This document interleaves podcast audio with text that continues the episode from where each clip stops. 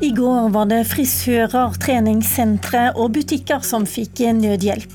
I dag er spørsmålet hvor mange respiratorer oljebransjen vil trenge.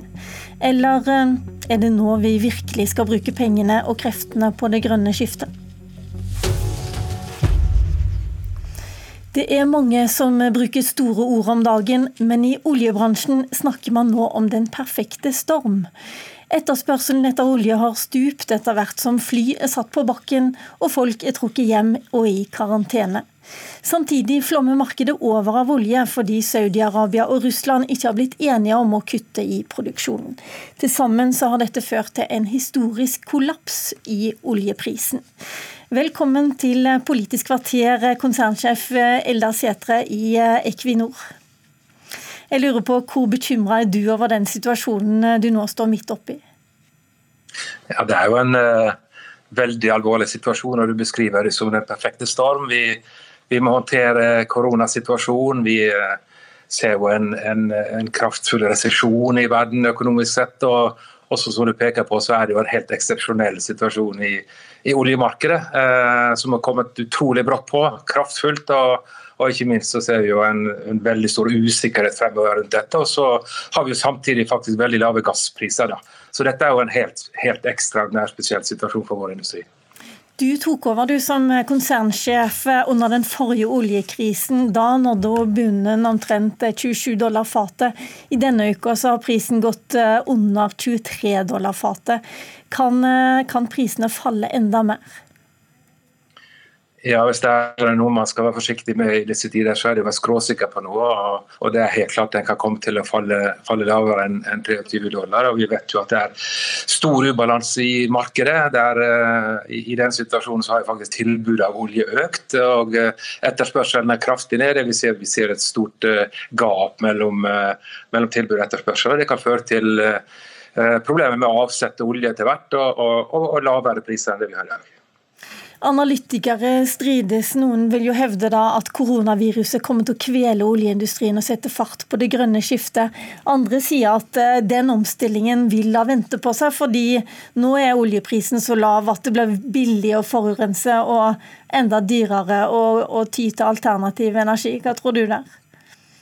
Ja, igjen så skal man være veldig forsiktig med å være skråsikker på noe. Det er en helt ekstraordinær spesiell situasjon. Men, men, jeg tror jo at det, vi, det, er vanskelig å finne noe positivt i det vi er gjennom nå. Men uh, en av de positive tingene er jo at jeg tror vi kommer til å få mange ideer og tanker om hvordan vi faktisk kan drive uh, i retning av et lavkarbonsamfunn på bruk av teknologi, f.eks. digital teknologi. Så det kommer mange, mange, positive ting ut i etterkant av dette som tar oss raskere i retning av et grønt skifte. Og så vet vi jo at eh, og Vi hører jo mindre om, om klimaproblemstillingene nå. Jeg tror det kommer tilbake med enda større kraft etterpå, og også stimulert av den type ideer. Og så vet vi jo at uh, den oppskriften og det vi ser nå, er ikke noen god oppskrift for å si det slik, til, til et lavkarbonsamfunn. Så, så, og vi vet også at vi kommer til å trenge olje og gass selv i et, i et uh, langt under tograders-scenario. Og, og, det gjør jo at den strategien vi har lagt, den er om mulig enda mer sikker på er riktig. Og, og det er utrolig viktig at vi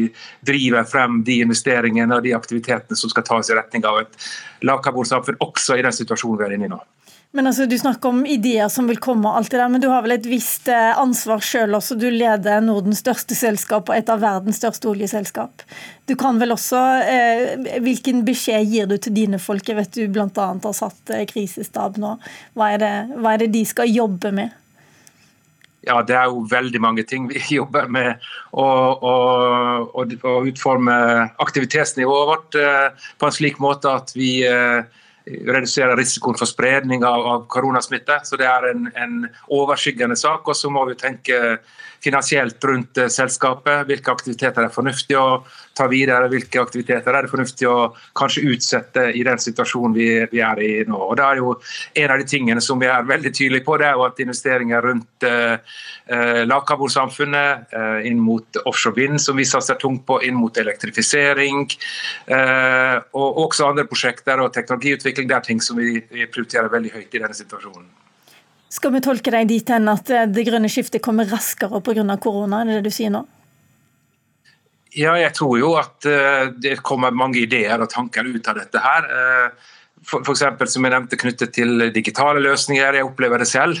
Jeg kan ha møter og effektive møter på tvers av geografier på, på en måte som man kanskje ikke trodde var mulig. Kanskje trenger vi å reise mindre. Så Slike ting tror jeg kommer til å bli stimulert og, og, og drevet frem av, av, det vi opplever nå. Og så som jeg sier, Dette er ikke noen god oppskrift. Den, den arbeidsløsheten, den økonomiske eh, nedgangen vi ser, og, og, også restriksjoner på transportvirksomhet som vi ser, det er ikke noen, noen god oppskrift, men det kommer eh, positive tanker og ideer rundt dette som har drevet frem av den situasjonen vi er i. Og Det tror vi kommer til å oppleve veldig kraftfullt også i, ikke minst i etterkant av denne krisen. La oss gå inn i den krisen. fordi det, det, vi vet, eller det vi husker, da, det var at 22 000 arbeidsplasser i oljerelatert bransjer forsvant i forbindelse med, med oljeprisfallet i 2015 og 2016. Og Særlig leverandørindustrien er jo nå ekstremt bekymra for denne situasjonen. Og Midt oppi dette så velger da Equinor å kutte 33 milliarder kroner i eh, investeringer, bl.a. og i leting, som kunne ha bidratt til flere arbeidsplasser eh, blant dem som leverer tjenester til dere. Eh, er det en ansvarlig måte å operere for et stort selskap som Equinor? Ja, det er faktisk veldig ansvarlig. Det opplever jeg at eh, det er helt nødvendig og riktig å gjøre. og Det aller meste av dette skjer faktisk utenfor Norge. Det er tilpasning til den eh, lave pris, oljeprisen vi ser. Mye av dette er i USA, på land i USA hvor vi har stor fleksibilitet. Noe av det, den aktivitetsreaksjonen er i Norge, og den er drevet frem av faktisk smittet, smittebegrensende tiltak på, på, på norsk sokkel. Vi må skyve en del vedlikeholdsaktiviteter som ikke er mulig å gjennomføre i denne situasjonen, og også en del modifikasjonsaktiviteter aktiviteter. Så Det vi ser på norsk sokkel, det er, det er knyttet til eh, faktisk eh, å redusere risiko for smittespredning. Hva sier du da til fagforeningene som nå trygler dere om å fortsette eh, leting og investeringer nettopp for å holde hjulene i gang? Ja, Hvis det er noe vi er eh, bevisst på, så er det jo at aktivitet er det, det aller viktigste. Å opprettholde aktivitet er det aller viktigste for hele olje- og gassnæringen i Norge. og Der gjør vi alt vi kan. og eh, Det er jo i den sammenheng vi også diskuterer skatteforslag, endringer som kan stimulere til eh, aktivitet og hindre at vi da eventuelt alternativt må redusere aktivitet som ingen av oss eh, ønsker å gjøre i den nåværende situasjonen. Du nevnte skatteforslag. Er det det som er det viktigste tiltaket regjeringen kan komme med for å bidra til at hjulene fortsetter å gå? Jeg tror det aller viktigste nå er å, å, å bidra til å opprettholde aktivitet i industrien. Og uh, Hele industrien står jo bak et, et uh, skatteforslag som, som er, uh, som, som, som, er utformet slik at den insentiverer og skaper motivasjon for, for økt aktivitet. Og, og Det er det aller viktigste. Både opprettholde aktivitet som pågår i dag, og ikke minst også skape grunnlag for ny aktivitet og nye beslutninger som, skal, vi skal nyte godt av fremover. Hva med de 36 nye konsesjonene som er lyst ut eh, nå eh, i, i, i, de siste dagene, som regjeringen har kommet med? Er dette noe dere diskuterer, eller er det overhodet ikke aktuelt eh, akkurat nå i den situasjonen som er? Ja, nå er jo leteprogrammet vårt for inneværende år det er jo noe som det er definert for lenge siden. og Vi ser på hvordan vi kan tilpasse det. og så vet Vi at vi blir helt avhengig av å fortsette å, å lete og finne mer olje og gass. og Verden kommer til å trenge olje og gass i, i alle tenkbare scenarioer. Så dette er jo noe vi må jobbe med fremover. Men, men, men akkurat nå så er nok fokuset på, på, de aktivitetene vi har eh, som pågår, og de aktivitetene som er mest nær, nær forestående. Sist gang du var med i Politisk kvarter, så snakka vi ganske mye om iskanten. Eh, er det noe du tenker på overhodet nå? Det er fortsatt en eh, svært betent politisk diskusjon. Jeg må være helt ærlig og si at iskanten det er, det er noen uker siden jeg tenkte, tenkte mye, mye, mye, på det. Der jeg bruker nesten all min tid på å håndtere den situasjonen vi er i. og og i det mer kortsiktige perspektivet. Men, men, eh, når det gjelder iskanten, så er jo vårt syn helt uendret. Jeg er helt sikker på at det er mulig å finne gode, gode løsninger som, som, eh, som, eh, som, ivaretar de sårbare områdene rundt iskanten og, og, og, bidrar til at vi unngår aktivitet der hvor det er is i nærheten av der hvor det er is, og, og samtidig kan operere innenfor de områdene som er åpnet. Okay, La oss ikke bruke noe mer tid på iskanten hvis ikke du tenker et øyeblikk på det. Eh, tror du noen gang at verden kommer til å etterspørre like mye olje og gass som, eh, som vi har gjort nå i januar og februar, egentlig bare for en måned siden, før alt dette begynte å skje? Ja, nå er vi jo helt sikre på skal vi skal vi bevege oss i retning av et lavkarbonsamfunn, så må vi jo etter hvert bruke mindre og langt mindre olje og gass enn det vi gjør i dag. Så den retningen der det står, jo, står jo helt fast. og Vår strategi er jo understøtter jo dette, hvor vi satser etter hvert mye mer på, på fornybar energi og, og offshore vind og, og, også andre karbonreduserende tiltak. Så, så, dette er vi helt tydelige på. Akkurat hvordan dette kommer til å slå ut, det, det vet vi ikke. Jeg tror det er når vi er ferdig med dette, så er det mange, mange typer aktiviteter og behov som blir stimulert. Men, men, som jeg sa, jeg tror det kommer mange tanker og ideer ut av dette som kan bidra til å, å, å redusere eh, behov for olje også på, på, på kort og mellomlang sikt. Men tror du etterspørselen kommer til å gå ned? Ja, Nå er den jo gått ned på, på kort sikt, og, og, det er jo det jeg håper. da. Jeg tror dette må drives fra etterspørselssiden. Eh, det er nok olje og gass i verden, så det er etterspørselen som, og alternativet til olje og gass som må drives frem, skal vi kunne gjennomføre det, det, det, det grønne skiftet og bevege oss raskest mulig mot et lavkarbonsamfunn. Tusen takk skal du ha for at du var med i Politisk kvarter fra Stavanger på Skype, konsernsjef Ella Sætre i Equinor. Abonner på Politisk kvarter som podkast, og få sendingen rett til din mobil.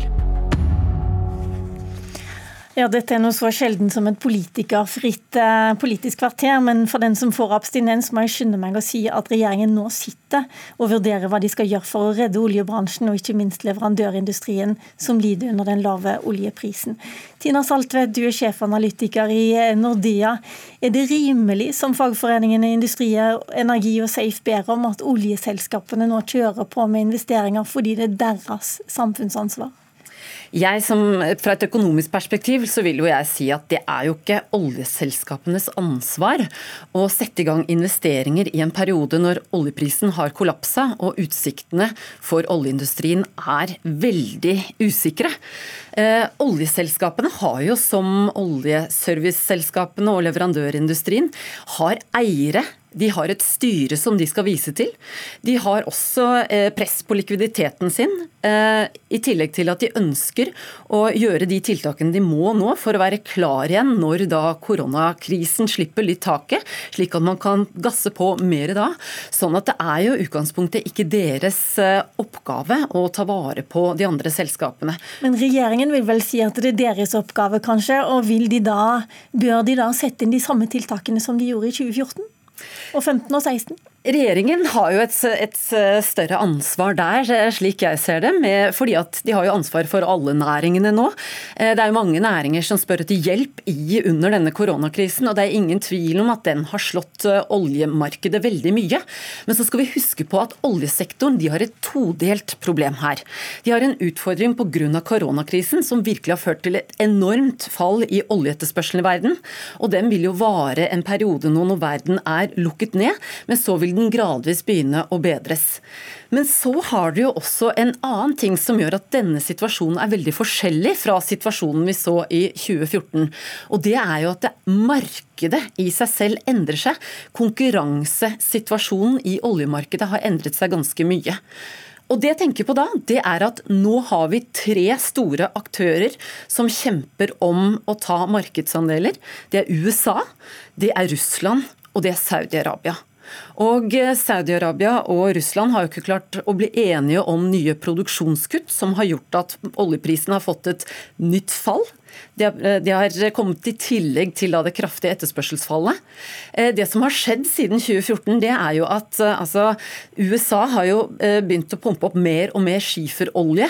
Og det har de kunnet gjøre pga. at prisene har vært høye. Og det er jo som følge av at OPEC og Russland faktisk har kuttet mye i sin produksjon. I tillegg så har jo Russland begynt å øke sin produksjon. De er nå på, tilbake på det nivået som de hadde før Sovjetunionens oppløsning. Sånn at begge, både USA og Russland, Russland har nå en mye sterkere posisjon i oljemarkedet. Og dette maktspillet har endret seg mye i løpet av de ti siste årene. Og det gjør at vi kan ikke bruke samme type løsning nå som det vi gjorde i 2014, for markedet i seg selv har endret. Men uh, disse leverandørindustrien og arbeidsplassene, bør ikke de reddes? Altså, Man kan ikke la de dø heller? Nei. Nei, vi trenger jo selvfølgelig leverandørindustrien, og de sitter jo på mye kompetanse. De sitter på mye teknologi som man ønsker å ha med seg selvfølgelig når det åpner opp. Og når vi da skal inn i det grønne skiftet, så er mye av den teknologien og kompetansen veldig viktig. Men vi skal huske okay, Vi er nødt til å stoppe der. Tusen takk, Tina Saltvedt.